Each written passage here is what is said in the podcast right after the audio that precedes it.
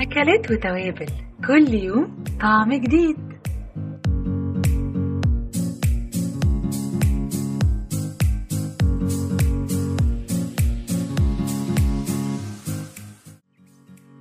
أهلا وسهلا بيكم في حلقة جديدة من برنامجكم أكلات وتوابل من بودكاست المصري اليوم ومعاكم منة الله مدحت. وحلقتنا النهارده عن شجرة مهجورة.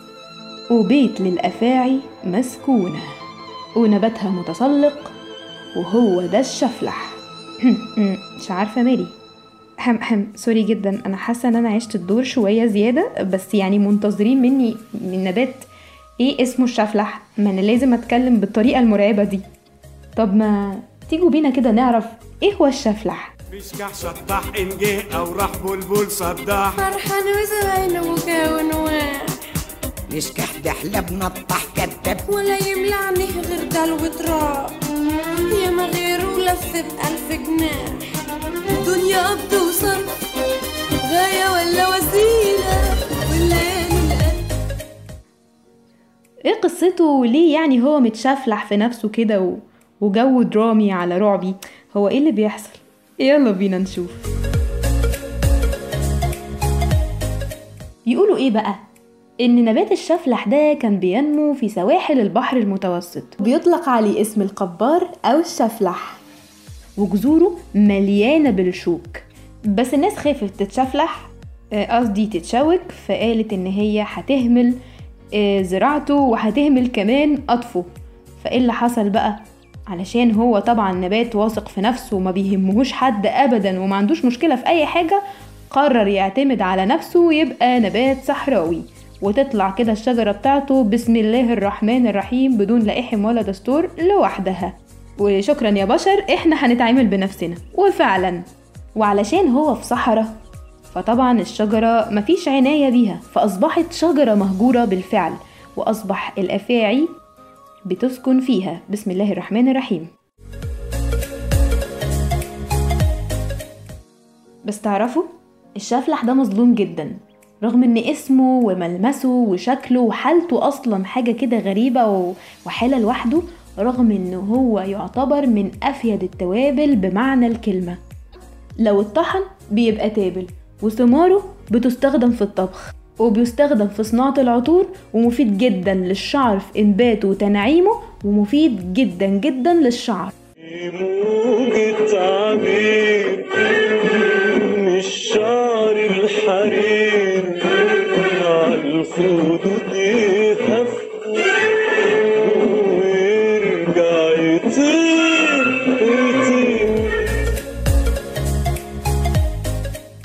ومفيد جدا جدا للجسم بشكل عام وللجلد بشكل خاص. مسكن للآلام بشكل عام منشط ومحسن للدورة الدموية بيعالج تصلب الشر- الشرايين ومفيد كمان للكبد والطحال.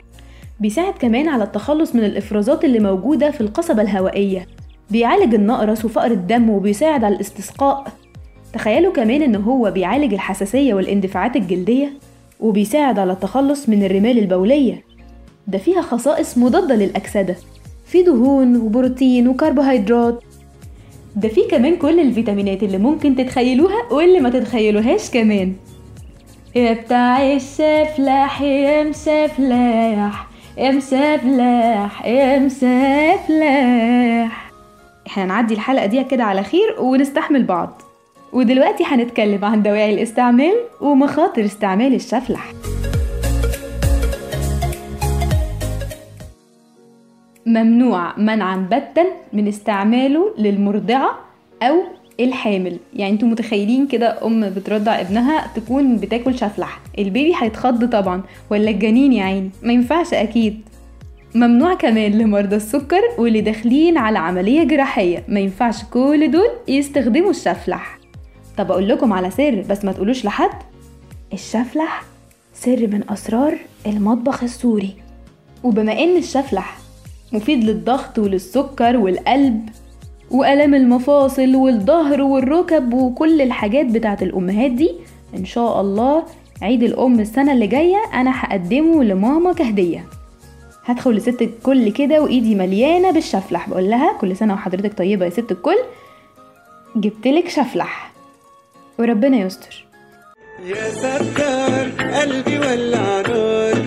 ده أنا عيني منك. مستحيل استغنى عنك نظرة ترضيني بالترتيب سيب لي نفسك واهدالي واسمع ده انت سحر طمع بان قوي في عيني. وعمالة تقوللنا إن الشفلح مملح والشفلح ممكن تتاكل ثماره في طريقة الطبخ والشفلح مقبلات. أيوة يعني هناكل الشفلح بأنهي طريقة؟ ورقة وقلم يا ست الكل واكتبي معايا طريقة مخلل الشفلح. وعلشان ما تكلمش كتير بينا على المقادير. إذا كنت جعان ونفسك في أكل هنية تعالى كل بومبا لحمته حلوة طرية. كله كله مشوي كله كله مقلي. بومبا واد ما حصلش. سن اسنانك Yup, yup, قول لجيرانك. yup, yup, yup, لحمة بومبا yup, yup. طعمها شيء ما حصلش. 100 جرام شفلح على نص كوباية خل. معلقة ملح كبيرة على كل كوباية مية. وبكده قلنا المقادير فيلا بينا نقول طريقة التحضير. نجيب الشفلح وننقعه في مية لمدة 3 أيام كاملة. وكل يوم نغير ميته وبعد كده بعد التلات أيام نغسل الشفلح. وفي برطمانات نضيفة نضيف له الخليط بتاع المية والملح والخل. ونفتكره بقى إن شاء الله بعد سبعة أيام. أهم حاجة في مخلل الشفلح إن هو لازم يتخلل في التلاجة. والخطوة دي بقى مهمة جدا علشان إحنا بصراحة ما نعرفش ولا نتوقع الشفلح ده ممكن يعمل فينا إيه لو ما حطيناهوش في التلاجة. الله أعلم. وبس كده. وبالهنا والشفا.